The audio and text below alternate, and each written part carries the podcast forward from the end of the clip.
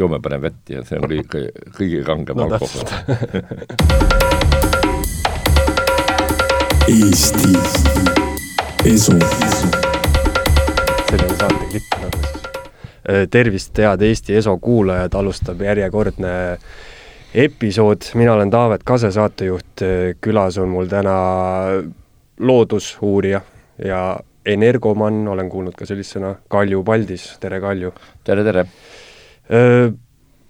Miks ma su saatesse kutsusin, Jeesus Kristus kunagi väga tegi kuulsa paastu nelikümmend päeva, aga sinu kohta levib internetis info, et sa seitse aastat jõid ainult vett, mis värk sellega on? ei, seitse aastat nüüd ei ole, see on nüüd natukene ülepaisutatud, see kestis neli pool aastat mm. -hmm. kui ma elasin vee elasin veeenergiast.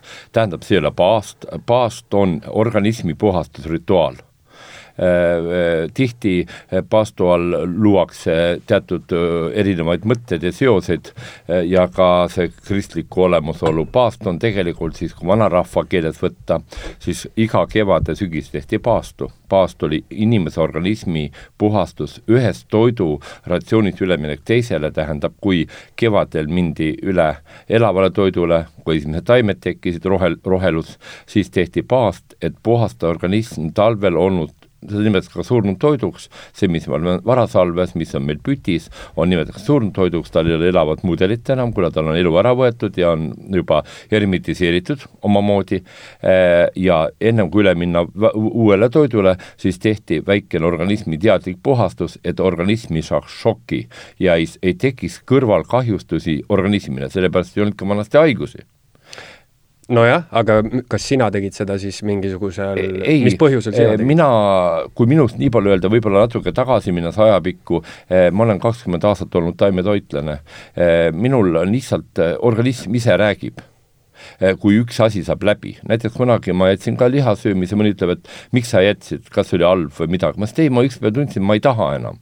Eh, nii oli ka taimetoitlus, ma olin pikka aega, olin taimetoitlane, ütleme sellise ka sooja taimetoitlane, ütleme, sõin ka sooja, eh, siis tähendab soojalt tarvitatud ja ennem, kui ma läksin üle veetoitlaseks, läksin üle ka juba toortoitlaseks, toortoit tähendab seda, et minu keharatsioonis oli üheksakümmend kaheksa protsenti eh, toorained toor, toortoiduaine lisandid. ja jupp jupi kaupa järjest tundsin, et see organism ei vaja ka seda, et see muutub ka minu jaoks nagu hetkel mittevajalikuks aineks, mateeriaks. ja sealt ma siis vaikselt-vaikselt liikusin edasi juba uuele tasandile e,. nii et kõik on toimunud minu elus loomulikult, mõni ütleb, et see on mhm. dieet või mõni ütleb see, ei, see on lihtsalt eluviis, kuidas sinu organism räägib, mina kuulan oma organismi. vaat see on see, mida ma julgen teha, mida teised kardavad no ja taimetoitluse kohta ei saa ka tegelikult öelda dieet, et see on ikkagi söögi või noh, eluviis.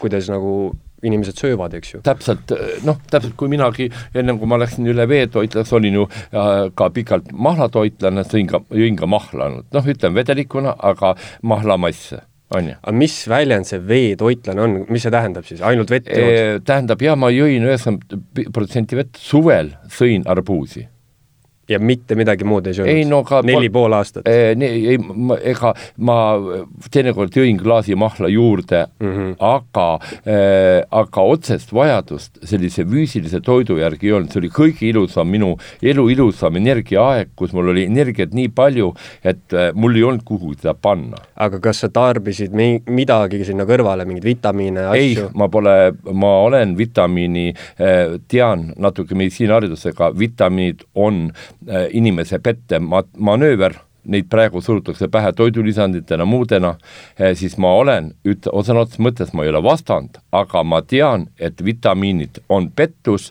Eh, sa ütled, et inimesel ei ole vitamiine vaja? ei no aga miks sa siis poes käid, ma, väga lihtne vastus. Eh, miks te siis poes süüa ostate? kui te saate vitamiinid, need organismid, valgud, mineraalid, kõik, mis on nendesse purkidesse surnult toit, topitud, saate kätte, aga miks te siis füüsilist toitu tarbite veel? et kaloreid saada ja.... no aga kalorid saada, kas mass annab kalorid või? sa sööd, siis sa söö lihtsalt... ei, see on toitu väär-, toiteväärtus, mingi toidutükk tükis nii. kalas on näiteks palju rohkem kaloreid kui võib-olla terves hunnikus riisis või mis iganes, eks Ee, ma saan nii. sealt palju rohkem seda Nii. energiat, millega ma iga päev toimetan. nii, aga miks sa siis äh, lähed poodi, ostad veel need toidulisandid, neid vitamiine äh,, muid asju, et noh, terve püsida. Aga tähendab seda, et äh, teate, mis on toidulisandi eesmärk oli kunagi, kui ta loodi? toidulisand oli mõeldud siis, kui inimese organism immuunsus ei töötanud enam korralikult ja ei omastunud toidust eh, kas siis ütleme sama B kahteteist või, või C-d mm -hmm. või midagi muud, siis võetigi paar-kolm eh, suurt doosi ja äratati üles organism, immuunsussüsteem, et hakkaks uuesti toimetama ja otsiks need toitained ülesse. no vist äh, soovitatakse umbes sarnast äh, teemat ka tänapäeval, et teha mingisugune kuur, et sa noh, võtad mingi kuu aja jooksul, võtad asja ära, on ju, ja siis sa ei võta tegelikult noh, Äh, aasta aega ei ole- ei ole paraku ei ole see nii enam, paraku kui ma iga päev kohtun inimestega, siis soovitakse juba vähemalt tarbida äh, juba purkide viisi, ma toon teile ühe näite, aastaid tagasi, kui mina asusin Penlit ja Vitsasi õppima ja siis ma, on, Rein Veber oli selline hea õpetaja mul ja tema pakkus välja, et võtta ajukaltsiumi noh, ajukaltsium on siis teatud ainemass, mis siis ka nagu toidulisandil on mõeldud ja ta oli mõeldud niimoodi, et sa võid aastas võtta kaksteist tabletti aastas kuus ühe siis. ei, tähendab järjest sõid kaksteist tabletti ära, kaksteist päeva, rohkem tarbida aastat sa ei tohtinud, sest et e, ei olnud soovitatav. ja nüüd hiljem äh, läks sellest ajast mööda, see oli Tianji selline Hiina kaup oli, läks aastad mööda, ma arvan, üks kümmekond aastat mööda, ma isegi lastele andsin ennem äh, eksamit, väga hästi muide toimis, selle väikese doosi andmine aga ka rohkem ei tarbinud ja nüüd lähen hil- hiljem uuesti nende toidulisandite poodi, Tianji poodi ja küsin, kas teil on ajukaltsium, võtaks ühe karbi. naine vaatab otsa, mis karbi, ma ütlesin, no see väike kaksteist tükki, mis teil seal sees on. ei, meil on purk. ma küsin, miks? Ei, te peate sööma vähemalt neli kuud jutti ja sel- ja kaks tabletti, kolm tabletti päevas. no kindlasti on seal teatav mingisugune äripool juures, eks ju, et lihtsalt rohkem müüa, aga noh, päris sa ütled, et vitamiine ei oleks absoluutselt vaja. minu organism, ei, ma ütlen. Või räägid ainult enda? Endast, ainult mm enda seisukohast. aga ülepaisutatult on need, inimestele juba surutakse hirmuga peale, et sa ei saa D-vitamiini kätte, sa pead D-vitamiini, et Eestis on päikest vähe, nagu te kuulete, väga lihtne, ongi päikest, teate, miks on päikest vähem organism omastab? mina avastasin selle kohe, mul on siiamaani kontrollis, mul ei ole D-vitamiini puudust kunagi olnud, mu elukaaslasel ka ei ole. ja teate, mis väga väike lahend on või? iga talv käia Egiptuses. ei ole vaja, jätame kõigepealt päikseprillid silmadest ära. Kui mina läksin üle veetoitlaseks, aga siis tekivad silmade juurde kortsud. Aga kas siis äh, D-vitamiini söömine ja hiljem organism enam ise valgust vastu ei suuda võtta ja paned prillid ette ja kortsud on siis äh, paremad, kui on sinu silmade rikkumine? kas see on nüüd parem?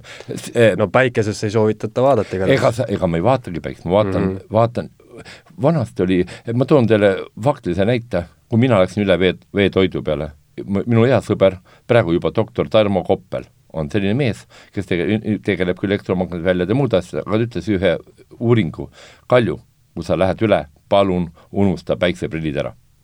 Ja tõi teatud näite Aafrikas, kus tehti katse ka Aafrika inimestele, kus on päikest ju väga palju, noh, tsükliliselt ütleme, kakssada kaheksakümmend päeva aastas on täielik öö, otsene päike, vaatab lägi pähe silmadesse. Ja panin päikseprillid ette, mis toimus? Koheselt hakkas vähenema nende organismis D-vitamiini puudus tekkis, sest päike on ju peegeldus meie silmadele, mis suunab läbi peegelduse silmalaude läbi, suunab selle valguse meie keharuumi ja see D-vitamiin on sisemine valgus meie keharuumis. oota, sa tahad öelda, et silmade kaudu me saame siis omandada D-vitamiini? no aga päike on ju valgus, meil on ju, silmapõhjad on ju peegel, me ju näeme asju tagurpidi, on ju nii? Nii mm -hmm. ja, ja kui me ei, ei lase päikesel valgusel liikuda meie organismi or,, D-vitamiin on, öeldakse ju valgus, valguse spekter, ega siis D-vitamiin üksi ei omastu läbi meie naha, pinna pealt, on ju, öeldakse et käi lühiste kätega, käistega ja vaata äh,, suuna käed päikese poole, et siit, et siit äh, läbi siis kapillaar- äh,, või no, äh, arteriaalsete veresoonte, mis on naha pinna lähedal, on võimeline kiiremini omastab siis päike äh, su-, suundub meie D-vitamiini laeb meie kehasse. Ja teine asi on silmad. Si-, ja siis, ja täheldati just siis, kui hakati kandma massiliselt päikseprille. No vot, aga, aga jah, okei okay,, need vitamiinid vitamiinideks, aga mind huvitab just see, see vee, vee elu. veeelu, selle igapäev, kuidas sul igapäev välja nägi, mitu liitrit sa vett jõid? ma joon äh, praegu vähem, aga tol ajal ma jõin kolm pool liitrit äh, vett ja see kestis neli pool aastat. E,, niimoodi, et sa sõid suviti ainult arbuusi ja, ja, ja teesid, jõin ka ravi, erinevaid teesid, kohalikke teest aga mis sinu näiteks kehakaaluga juhtus, kas sa kuivasid täiesti kokku? ei kuivanud, võtsin küll kõvasti alla, ma langesin kuskil, ütleme, ma olen meeter üheksa, nüüd kasvasin pärast seda veel üks, ühe sentimeetri, nüüd ma olen meeter üheksakümmend kuus, jaa, täitsa ametlik mõõde, meditsiiniline mõõde, mida kõik minu kolleegid ütlesid, et sa oled palju kasvanud, ma ei uskunud ja läksin arsti juurde, arst, kes on mind alati analüüsinud, kuna mul on ka kunagi olnud üht, ühte, ühte põhjust vaja analüüsida mind varasemalt, ja ütles, et aga te, härra Pallis, olete kasvanud sentimeetri. äkki sa panid selja sirgu endale lõpuks? ei pannud. ma proovisin ja ütles, et mitu korda proovisin, ütles, et ja kõik ütlesid, ma olen kasvanud ja ma tunnen ennast ka pikemana, praegu võrreldes noortena jah, ma ei näe, et ma oleks lühenenud küll mitte, aga vot ja, ja, ja, ja sealt see ja, ja siis äh, jõin teesid ja oligi see põhitoit ja mul oli energiat nii palju. Ja kui keegi ütles mulle, et härra Pallis võib seda lubada, ei tee füüsilist tööd, siis mm -hmm. pärast seda, poolteist aastat hiljem, ma võtsin omale väikese maalapi, kaheksateist hektarit ja ma olen väga tugev füüsiline töötegija ja minu töökaaslased, kes minu, minu juures olid abi, mu sõbrad abis, siis ma ikka ütlesin alati neile, minge teie sööge kõhud täis, mina, noor inimene, teen natuke tööd edasi. kui vana sa oled, Kalju? ma ei tea vanus puudub, ma olen kuuekümnendal sündinud, küsige ise, ma ei tea, mis on vanus. mul puudub kuuekümnendal, see on siis kuuskümmend, jah? ma ei tea, mul kadus mis passis kirjas on? jah, ma ei tea, mis on pass ja mis on see, minu vanus, kellaaeg, ma ei, mul ei ütle kuuskümmend mitte midagi mm. -hmm. jah, kui ma võrdlen nüüd oma klassivendasid teisi, ma ei taha kedagi solvata, kõik ütlevad kõik näevad hullud välja. ei, ma ütlen, et ma olen ufonaut, et ma olengi natuke teistmoodi. aga ma mõtlen selle, selle just äh, noh, ma näiteks äh, guugeldasin mingisugust üldarusaama, kui palju suudab inimene ilma söögita elada. ilma veeta, me teame, on see väga väike, paar päeva. aga ilma söögita oli kirjas, et äh, tekkima hakkavad need nii-öelda nälgimise sümptomid hakkavad tekkima täpselt seal kolmekümne viienda, neljakümnenda päeva juures. Vaadake, see ongi asi, kui inimene, vaadake, siin ongi nüüd kaks erinevat asja. kui inimene teab, et tal on vaja süüa ja sööki tema ümber ei ole, siis organism hakkab otsima, vaata kui üksi metsas, sul süüa midagi ei ole, sinu organism hakkab otsima, mida.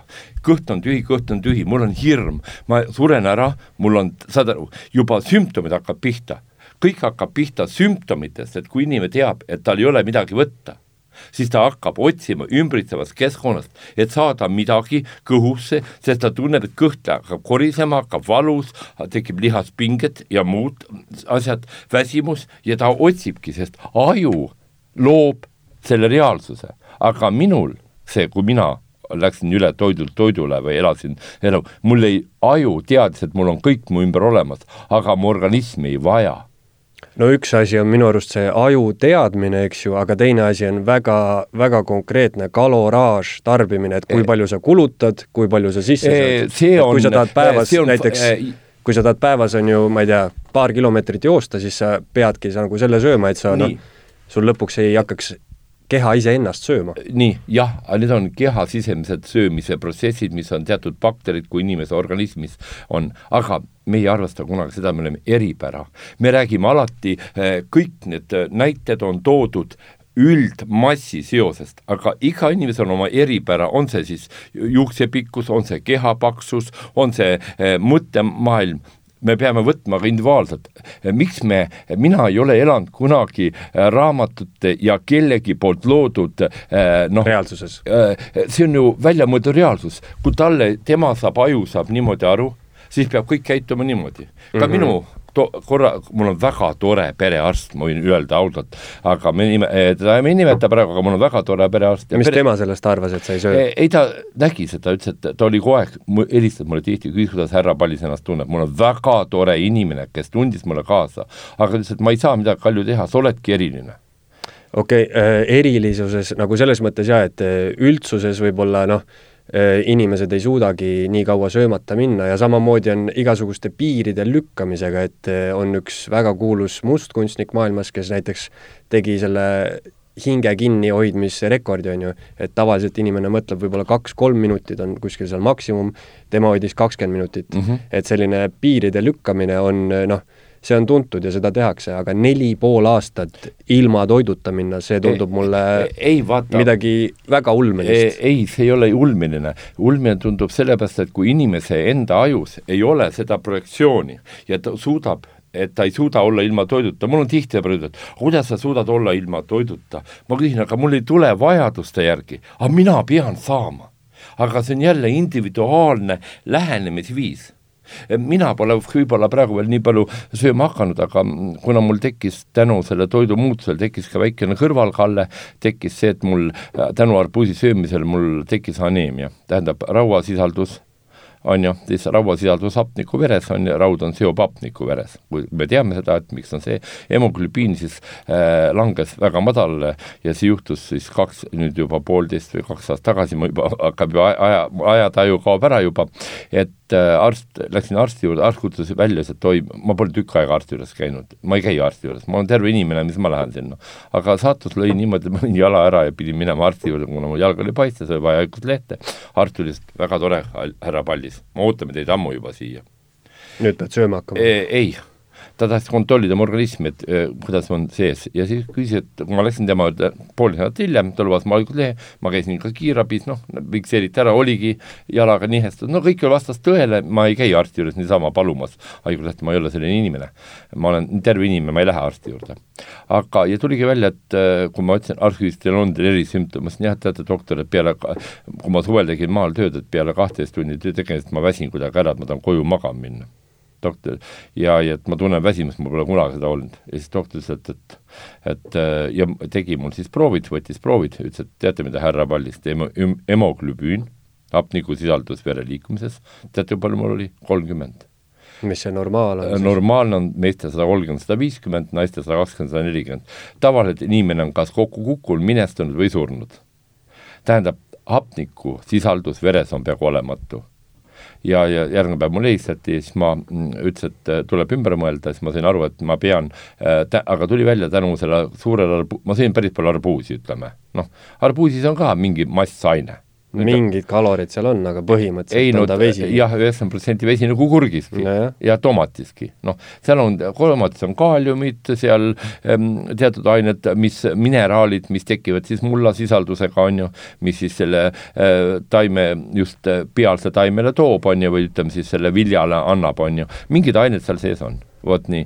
ja, ja ma siis äh,, aga tuli välja, et liiga intensiivne arbuusi söömine, ta lihtsalt tekitas mul emotsiooni viiski välja, neer, neerutel tajub pidev vedeliku aktiivsus, mida? arbuus on hea, ta paneb ju kogu aeg vedelikud liikuma. Ja ajab rohkem urineerima, ajab kiiremini välja organismist, aga ta viis ka välja minul siis need muud ained mm. -hmm. no sa ütled, et, et sa ei ole kunagi elanud eh, teiste kirjutatud reeglite ei. järgi, aga sa oled ju minuga nõus, et on teatud eh, loodusreeglid, füüsikalised, mis, mida ei ole keegi kirjutanud, vaid mis ongi meil paigas looduses, mille, millele peavad kõik alluma, näiteks nagu ja. gravitatsioon. seal ei ole võimalik ei, see, midagi teha. aga see on ja mulle tundub eh, täpselt see samasugune reegel, see toidu tarbimine, et nagu selle jaoks, et äh, püsida aktiivne, mitte ära sulla, ära surra, siis on vaja mul kaloreid, lihtsalt nagu toitainetena. mitte nagu see söömise, see, see pool, et umbes, et kas ma olen söögisõltlane või see, see on kõik mingi tänapäeva jutt, aga lihtsalt äh, juba koopamehed ju millest, millest nad nagu elasid? söögist aga noh, nemad sõid võib-olla, on ju, võib-olla korra nädalas või midagi sellist, sest siis ei olnud niimoodi, et lähed poodi ja ostad süüa aga see tundub mulle füüsikaseadusena, et sa pead sööma, et elus püsida e,. Vaata, sõna pead on kõige suurem vägivaldsus, mis üldse mõt-, välja mõelda. kui sa lood sõna pead, ma alati ütlen inimestele, sa ei pea mitte midagi. kui sa lased vabalt asjadel voolata ja ei pea, vaid võtad elu, sa küsid, kuidas see juhtus, ma mm, -hmm. minu elus on kõik asjad, kas või kolmkümmend kaks aastat tagasi ütlesin, ütlesin üks päev, lõpp, jõin õlut päris kõvasti ütlesin ma rohkem, kuna ilmus poodi laipad õlu, õlu, ma ütlesin, ma enam kunagi elus ei joo. kukkus see ära, kukkus mul alkohol, noh, ma ei ole kunagi palju tarbinud muud alkoholi, kangemat, kadus see ära, ka toidud, minul on toimunud see kõik nii loomulikul teel ma ei, ma ei oska seda lahti füüsiliselt seletada, miks see minu kehas toimub. ma mm -hmm. täna hommikul sõin, nüüd ma olen toortoitlane uuesti, sõin tomati seda noh, toortomat, noh tomatid, pipar ja sool peal natukene ja ja sõin seda ja siis mõtlesin, issand, kui vastik on pärast olla, et tahaks uuesti väljuda toidust, aga ma olen oma kehale teadnud, et ma olen valmis uuesti seda protsessi läbi viima, kui keha on valmis aga kas sa soovitaksid ka mõnele ei, teisele inimesele seda? ei soovita, ma pole kunagi seda soovitanud. mina ütlen, vaadake individuaalselt, kuidas teie organism ise vastu võtab, kuidas te ise saate seda, suudate teha. mina ei vastuta kellegi eest, mina ütlen, laske tunnetel ise liikuda, las tunne räägib ärge kuulake propagandat, vaid kuulake oma sisetunnet. kui teil on vaja suutäis-amps võtta, siis võtke, aga ärge minge välja hirmudel, et kui sa nüüd ei söö, siis sured ära, kui sa ei joo, siis sured ära.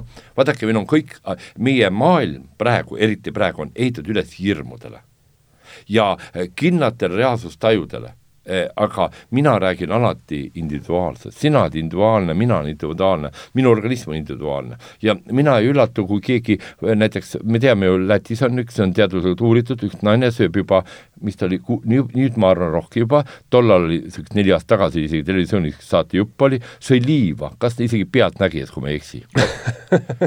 Jah, ja või sa võid naerda no aga see on ju jabur, noh. ei ole jabur. Ja tehti laboris kindlaks, tal ainult asi, mida ta ei näidanud, näidanud, kus kohas see liiv, eh, noh, saad aru, kust seda liiva tema ammutab oma toiduks seda kohta, kus see liiva, no see hunnik ütleb niimoodi mm, -hmm. või karjäär, no mida iganes, kus ta oli, seda ei näidatud, aga ta sõi liiva ja teaduslikult tõestati, ei ole jabur. jabur on see, kui kõik sööksid tomatit või kõik sööksid ühtemoodi, elaksid, kõik sööksid liha, vaat see oleks jabursus no selles mõttes vahet ei ole, mida süüa, aga noh, eh, liivas mulle tundub, et eh, jaa, no vot, aga ma tõin sulle näite, see on teaduslikult tõestatud kuidas et, see naine vetsus käis huvitav eh,? ma ei tea, vaata selle koha pealt, ei, aga seda ta ei täpsusta? ei, noh, liiv ju on organismis mitte seedistav vorm, kui me lapsepõlves oleme, kindlasti on paljud on ka tuhka proovinud süüa, et vaata, mingi ainete no kõike jah, paberit, tuhka, liiva, mulda. jaa, me kõik oleme proovinud.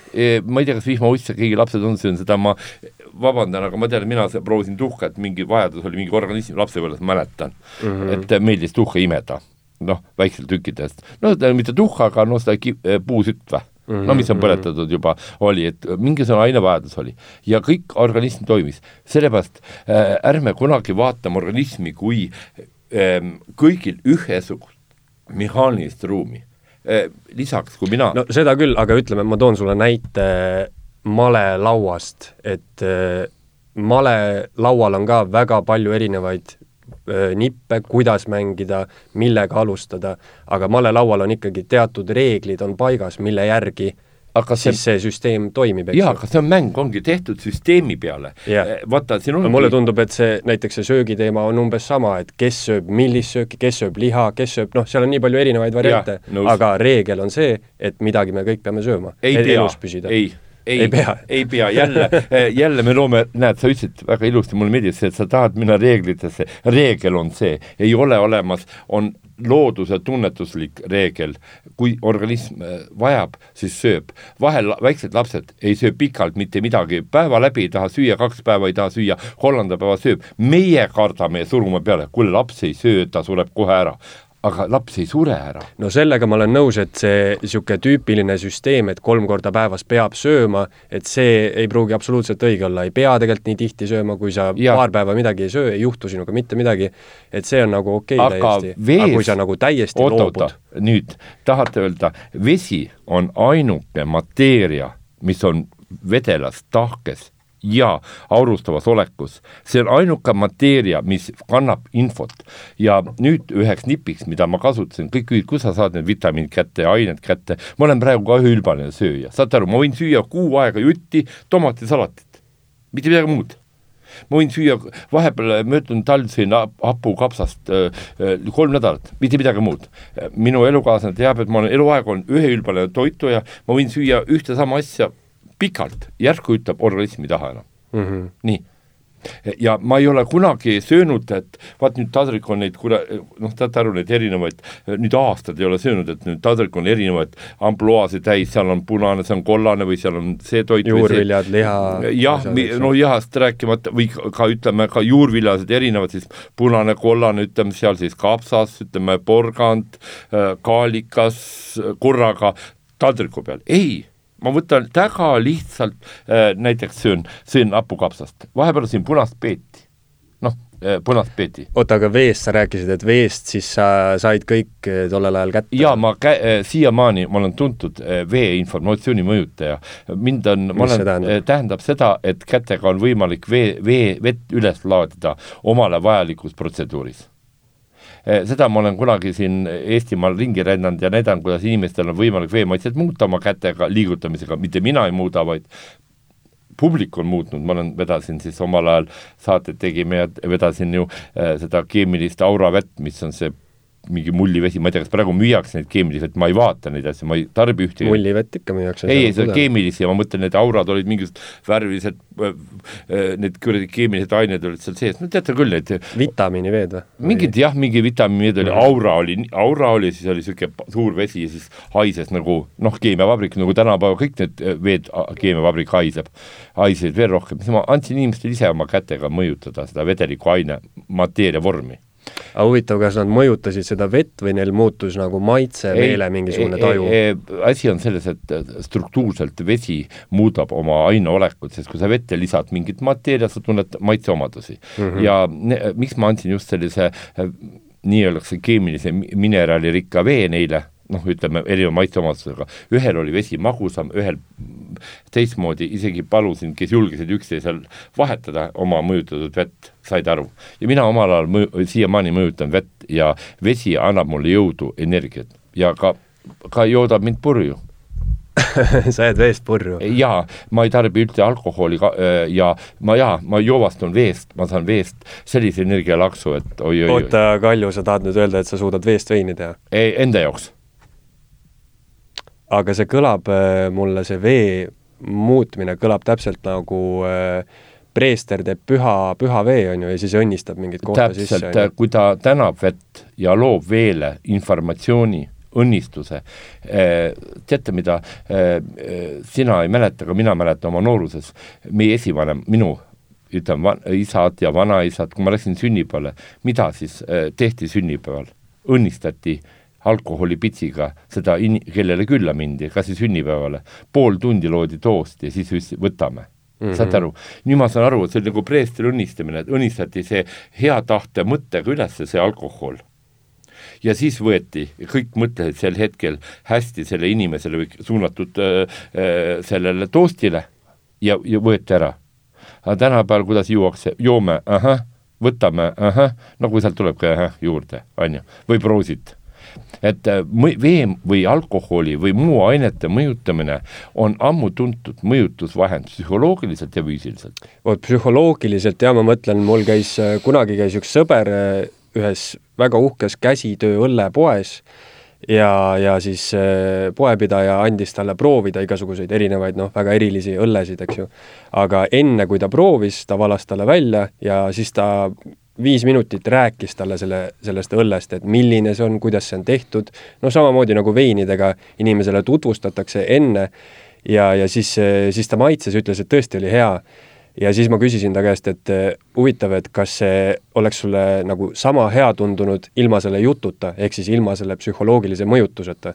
et põhimõtteliselt mulle tundub, et see õlu tegelikult ei saa ju oma mingisugust struktuuri seal muuta, vaid sinna juurde käis see, kõik see tutvustus, see, see nii-öelda inimese huvi üleskerimine, et äh, kas vett saab nagu täiesti füüsikaliselt kuidagi muuta?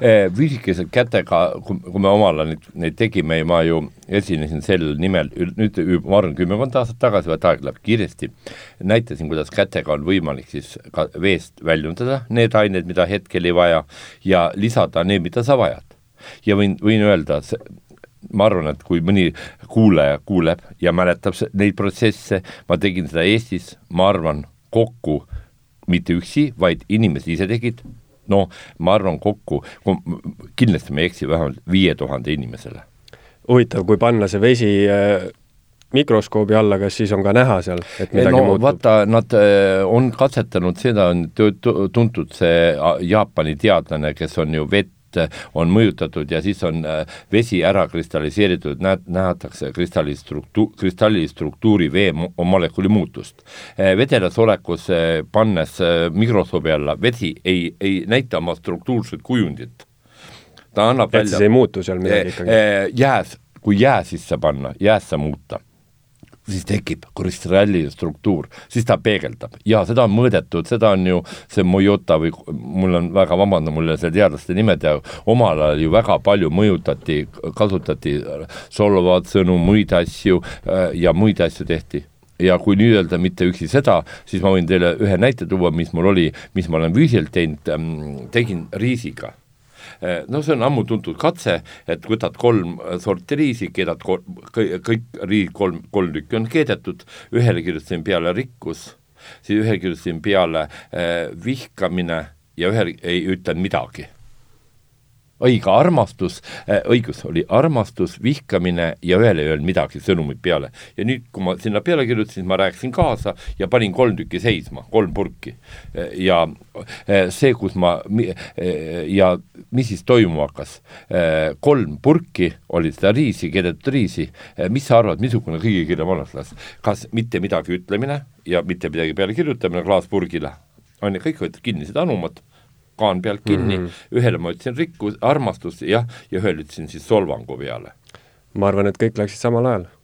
aga aga vastupidi, tead, kes esimese riknes, kohe e-, üle järgmine päev oli rikkunud. millele ma mingit sõnumit peale ei toonud, mind üllatas ka see mitte mingi sõnum eesmärgipõhiselt ei antud, antud talle mingisugune tegevus.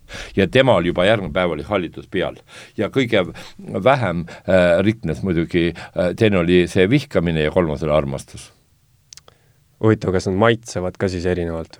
ma ei proovinud seda, et kui ta hallitus on teadaolev eh, mikrobioloogiliselt on väga noh, ütleme organismile kurnav ja, ja, ja toiduna ma kindlasti ei, ei, riski seda proovida, on ju.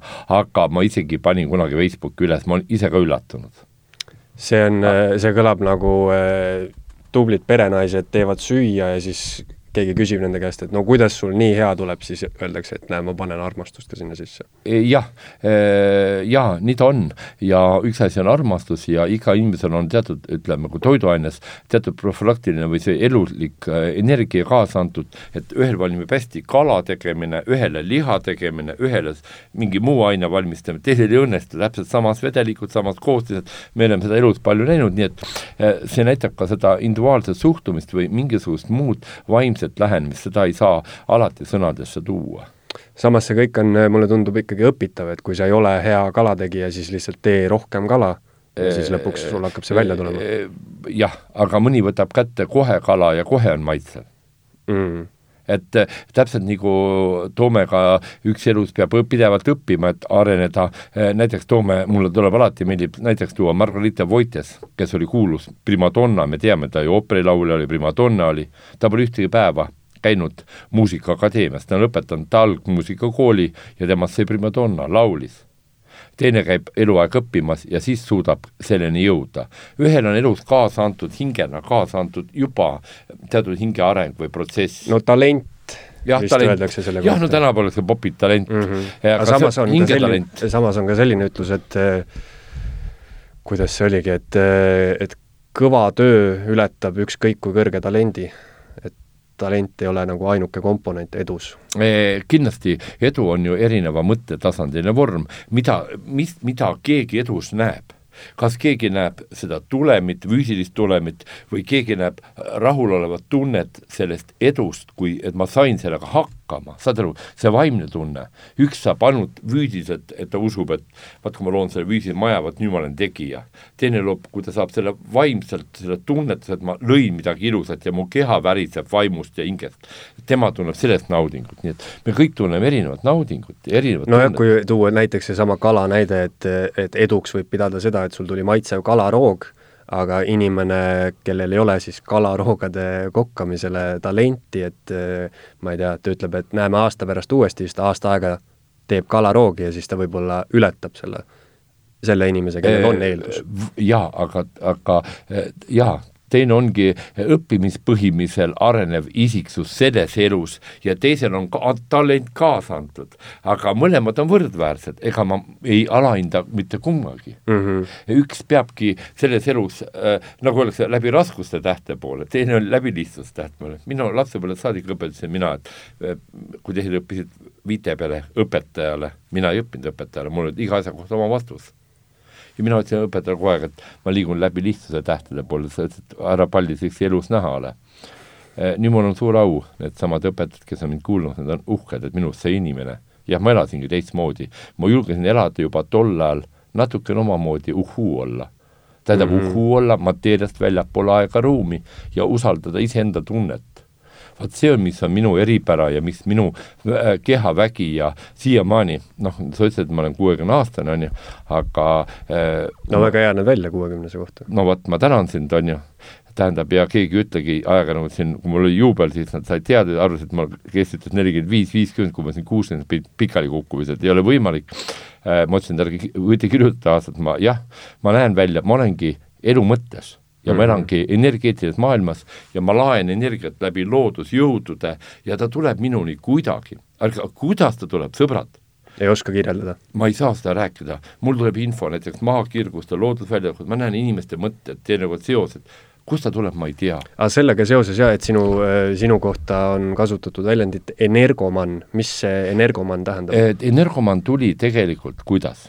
See tuli, eh, mul on koduleht Energoman ka teadaolevalt on ju, et ma kirjutan maakirjandust, loodusväljadest ja muudest seal, aga Energoman tuli tegelikult tänu ühele väikesele mehikesele, mis ma sain, Energy mees oli mingisugune äh, reklaam äh, arvatavasti elektrifirma oma üks äh, väike mehike tuli mm minu kätte, seal oli peal Energy kirjutatud mm. -hmm. ja seal oli noh, Männ, kui ta oli mees, see oli mingi elektrifirma, ma arvan, mingi reklaami väike nukk oli ja sealt ma sain aru, et minust saab energoman ja kuna võtsid šnitti sealt ideest? jaa, ma mm. ütlen alati, viitan, vaata minul on selline komme, ma alati viitan, kui ma saan kuskilt idee.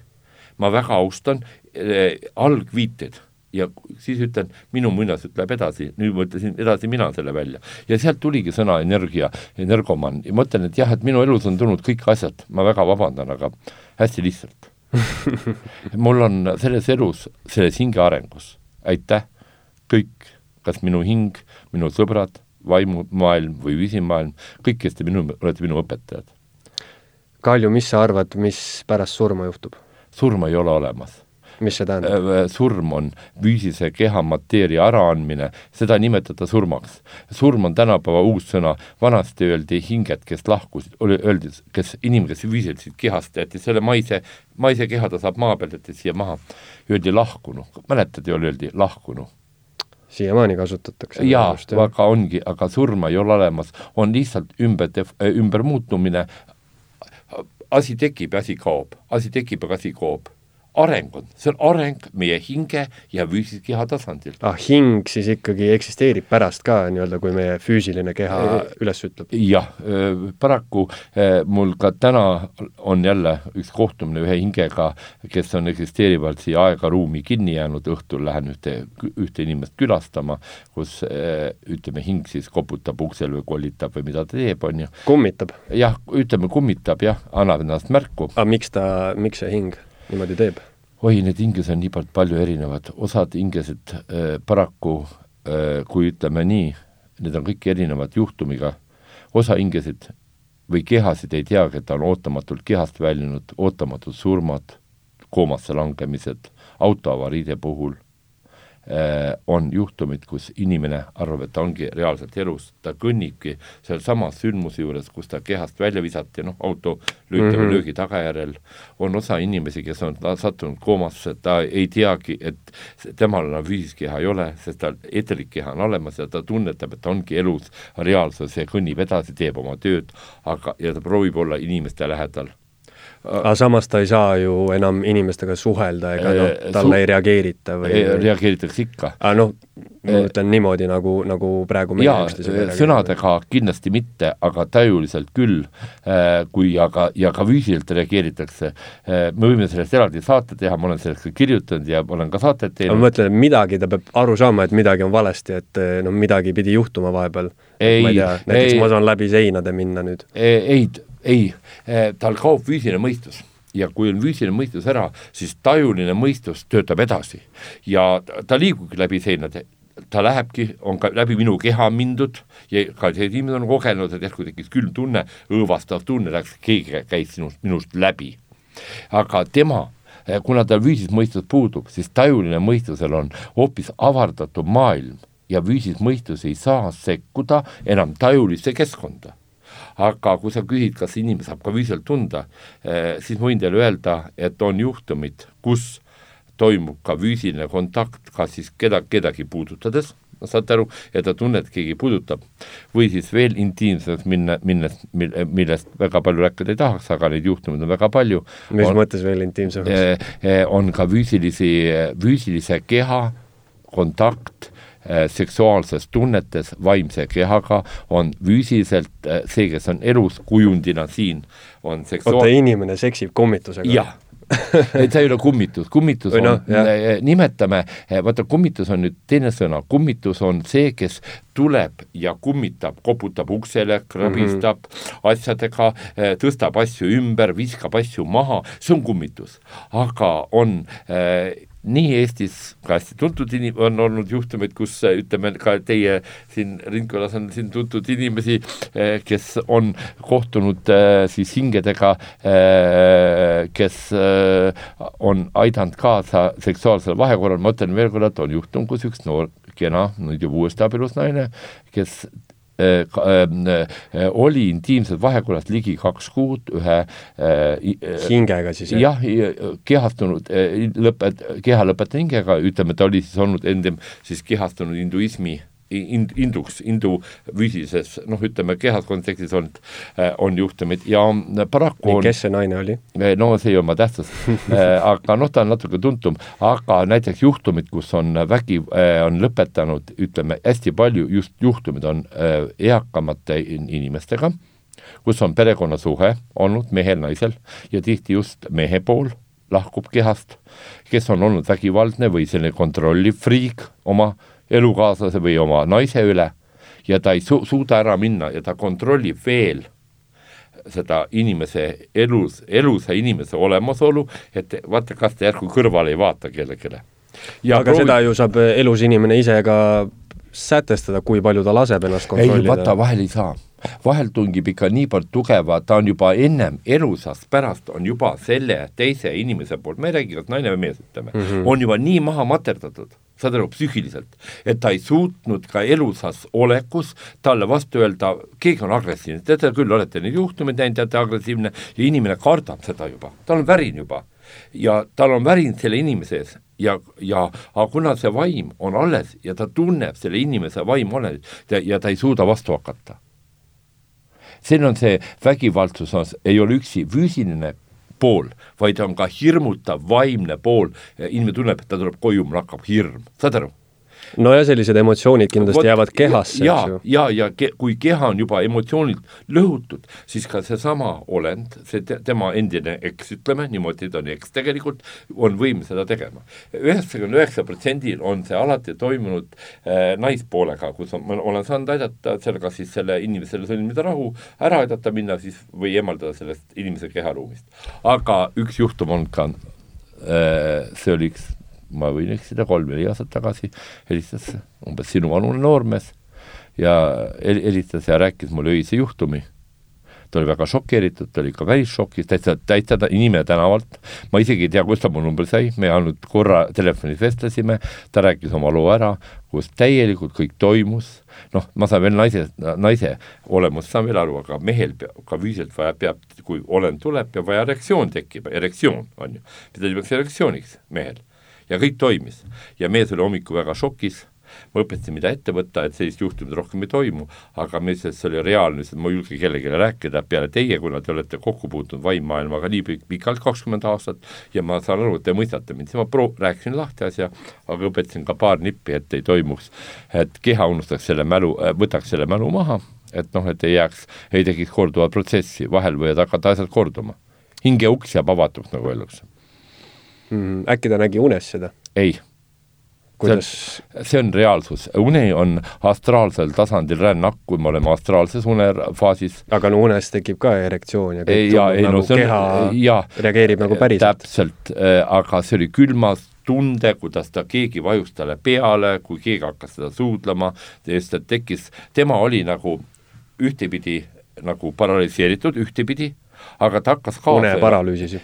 jaa, aga hakkas kaasa elama. ta ütles, et ta oli täitsa reaalses mõjus, reaalses kogemuses, äh, mina mõistsin seda, sest mul on naised, on need ja naised on mulle rääkinud, no üks-ühele mulle räägitud, kuidas need asjad toimivad.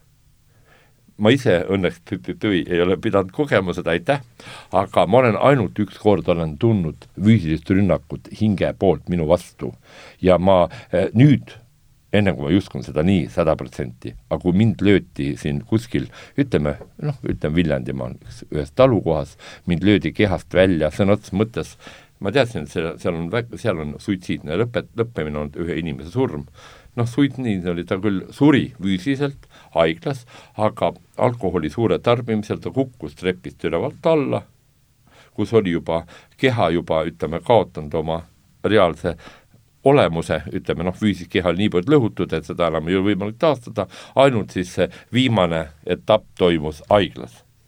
aga sündmus toimus seal ja ma teadsin, et see juhtum on seal ja ma otsin, ma pärast saadan leian selle kindlaga kontakti, et saadan ta pärast ära, aga ma tookord kuidagi unustasin selle esimese riiduosa tegemata, hakkasin seda kodupuhast nendel, kes oma asju välja panema ja hästi pime koridor oli nagu õhtuti, nad ilmuvad välja ja, ja siis, kui ma tundsin siia vasakule poole löök ja see pool oli jah, käis selline tugev löök, ma ikka tundsin tugevat valu ja ma tundsin, kuidas ma kehast välja kukkusin. ma hakkasin õõtsuma nagu alkoholijoobes inimene, aga see on esimene asi, tekib inimesel sellisel hirmu najal süsivesiku puudus ju, süsivesikud. ja mul on hästi meeles ma kunagi ja süsivesikuid sa ei söönud? oota, jaa, ja mulle, ma pole kunagi vaadanud, et eh, inimeste kodus ma ei vaata asju, ma ei näe asju, ma teen oma foone, ma ei näe asju. ja tookord, kui ma hakkasin asju panema, ma nägin, et äh, selle mingi vana talu kapi peal, see hästi meeldis, vana talu, mul oli vana, vanaaegsed asjad, oli tort, poolik tort ja ma naine oli üksi kodus, tema oli kuskil laudas, noh, tallit, hobused tal.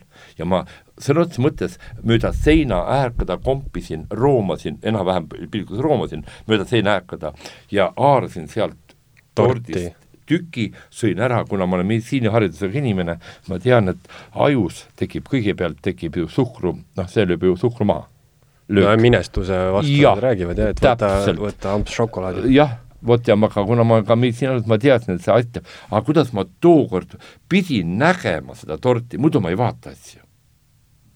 ju siis oli mulle eelnev info juba antud ja ma oskasin sinna minna, sest ega ma ei, ja vot pärast seda, pärast seda ma usun, vot sellistesse eh, ka füüsilistesse noh, jõududesse, saate aru, vaimu tasandil no ja et, et siis vaim suudab ka füüsiliselt sulle obaduse ära panna või midagi sellist. jah, jah, aga ega mul tükk aega värisesin, keha värises, ega see ei olnud kerge tunne. ma ikka psüühiliselt olin ärritud, ma arvan, üks kolm nädalat veel no ja sellist asja on äh, muidugi inimesed, kes on seda ise kogenud, saavad aru, on ju, mina ja. sellist asja ei ole kogenud, minule kõlab ega, ega täiesti... ei tahakski, ei tahakski. jah, ja mul on pluss ka nagu hästi raske seda ette kujutada enda peas või, või uskuda, et, et kuidas saab mingisugune vaim mulle anda mingi obaduse ja mind välja lüüa kehast. Aga paraku eh, vot sellised, nii palju kui on inimesi, nii palju on nähtusi, sellepärast ärme kunagi ütleme mingile nähtusele ei, kui me ei tea, siis no ja selliste üldistuste tegemine on üldse väga libe tee, et, et äh, öelda, et neid ei ole nüüd täielikult olemas või, või et äh, on, see pole no, teadusega tõestatud, äh, teadus on ikkagi väga ühemõtteline ja eriti tänapäeva teadusmaailm on, ma ütleks, ma väga vabandan, aga suurem osa õppejõude on kõik teoreetikud, praktilisi õppejõude ei ole ja kui nad õpivadki seal teadusasutustes, jagavad oma infot, siis ainult teoreetilisel baasil praktilist elu po poolt pole. no need on õpetajad, aga teadlased, kes ei õpeta, need ju noh, nende praktiline pool on katse ja see on ju teadusliku teooria alus, et katse jaa, ei no ma olen sellega nõus. Eh,, aga nii on ka sama eh,, teadlased ütlevad, et eh, paranormaalsed juhtumid ei ole olemas, aga kuna nemad ei ole kogenud ja uurinud seda seose asju eh, tunnetuslikul tasandil, nemad tahavad võtta, on ju mõõdetud mõõteaparaate, on ju, tehakse tänapäeval igasuguseid aparaate, raadiolainetega püütakse, siis püüatakse soojuskiirgustega, mina ei ole küll ühtegi aparaati kasutanud, aga ma eh, tajun neid oma keha, kui nad on ruumis näiteks mul hakkab kohe äh, äng või raskeks läheb, keha läheb üle kuumaks või läheb raskeks, ma tajun ja näen nende kuju ja fooni. ma viimasel ajal tahan fooni väga vähe näha, aga ma paraku näen neid ja siis ma äh, paraku pean osaliselt tegelema selle maailmaga, et äh, nojah, on, on tegelikult ka teaduslikke asju, ma nüüd tõesti ei mäleta, kes oli see, see metsik äh, joogamees, kes oli kolmkümmend aastat mediteerinud ja siis teadlased võtsid ta ette, hakkasid teda mõõtma.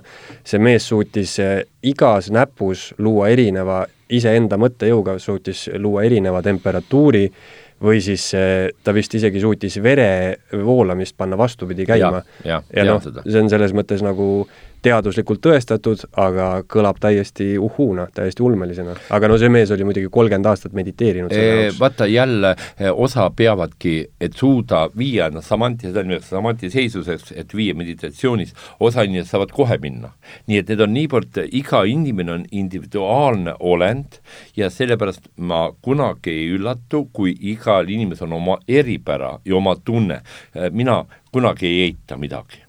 ma ennem uurin analüüsin, vaatan, kuidas mina sellest aru saan, aga ma ei ütle kunagi eitavalt, et seda ei ole olemas. E, need, kes ütlevad, ei ole olemas, need on minu jaoks väga tublid inimesed, aga ühe kindla mõttemaailmaga selles elus kogemust tulnud saama, nagu minugi veetoitumine, paljud ütlevad, oi, kaljupallis sööb nurga taga ja siis mul hakkas see nii naerma aastad tagasi, et oi, küll no mind nägi, nähti hamburgeri söömas ja küll mul nähti praadi söömas ja aga nähti siis või? ei no aga tol ajal juba telefon, miks te siis ei pildistanud? Kui te nägite mind söömas, võtnud seesama telefon, on ju, tead mm, -hmm. tead küll teinud, aga kellelgi ei olnud pilte, kõik olid mind näinud. isegi ühe korra juhtum, mäletan, ma läksin äh, Raplasse esinema, üks naine ütles, et ma jõin teed ja üks naine ütles, et enne kui ma läksin just veel mingit loengut tegema, ütles, et ma nägin, kuidas Kaljupaldis sõi. tema istus kõrvallauas, on ju, ja mina läksin, võtsin omale tee aga ma ütlen, ütlesin alati, minul on selline, kui ma elasin teest ja sellest vedelikust, mul põhijutt oli, palun mulle toiduks üks tee mm. -hmm. ma ei ütle mitte joogis, ütlesin alati toiduks. ja no siis ta eeldas võib-olla lihtsalt. jaa, ta kuulis võib-olla seda ettekandjat, aga ta juba nägi, et ma sõin praadi. ja, ja pärast veel ütlen, et aga ma nägin, kuidas kaljupallis sai praadi. no võtnud siis see telefon, teinud pilt. seda ma tahtsingi küsida, et kes saab, kes saab äh, tõendada, et sa ei ole midagi neli pool aastat söönud? ei, ma, ma räägin, ma ütlen sulle, ma sõin, ma räägin, mida ma söön, ma ei ole mm valetanud. ja et ma praegu söön, ma tulistasin kohe üles, ma hakkasin kohe sööma. ma ütlesin kõigile, ma ei ole kunagi midagi pidanud valetama. mina selles ei ole pidanud valetama, ma olen kogu aeg tõtt rääkinud. ja ma ei karda tõtt rääkida, ma ei näe, et ma pean valetama. ma olen, ütlen sulle ausalt, ma ei oska valetada ma olen eh,, mu sõber ütles, et ma oskan juba viite sõna valetada. ma, hädavale on olemas ma olen nõus, aga sihilik valetamine ja peitmine, kellele ma seda tõestama pean? ma ei tõesta mitte kellelegi, tõesta, et ma olen see. mina tahan ka tõestada, et, et vastupidi, nagu skeptikudki. noh, ma olen siin Mälliku kohtunud, ta ütleb, et siin, ütleme, tõesta, et siin maa all sees on veesoon. mina saan ka tõesta, härra, sina skeptik, Mällik, et siin ei ole veesoont. tõesta mulle no see on äh, ajatu võitlus skeptikute Täps, ja uskujate vahel. täpselt, äh, mina ütlen, et kui sa ei usu, aga ära ütle, seda ei ole olemas. kui sinu organism või teadvus ei võta seda ühendust ja sinu mõistus või sinu hetkemõistus, ma räägin hetkemõistusest alati, ei ole selleks valmis, siis ära punni vastu, mida sa ei tea. ära tee seda eh, võimatuks, mis on võimalik kõik asjad on maailmas võimalikud ja iga inimene individuaalne, iga taim on individuaalne me oleme ühendmassis, aga me oleme individuaalselt arenema siia hingena tulnud ja sellepärast uskuge sellesse oma arengusse ja laske ka teistel areneda. ja kui te ei usu, mina, tead, mina ei ole pidanud kunagi midagi tõestama. no vot, Kalju, selle mõttega on hea lõpetada. jah, ma tänan sind. ma tänan sind. jah, ja uute nägemisteni, kohtumisteni ja. orbiidil. jep, aga järgmise korrani. aitäh. vot, et äh, seda Eesti Esu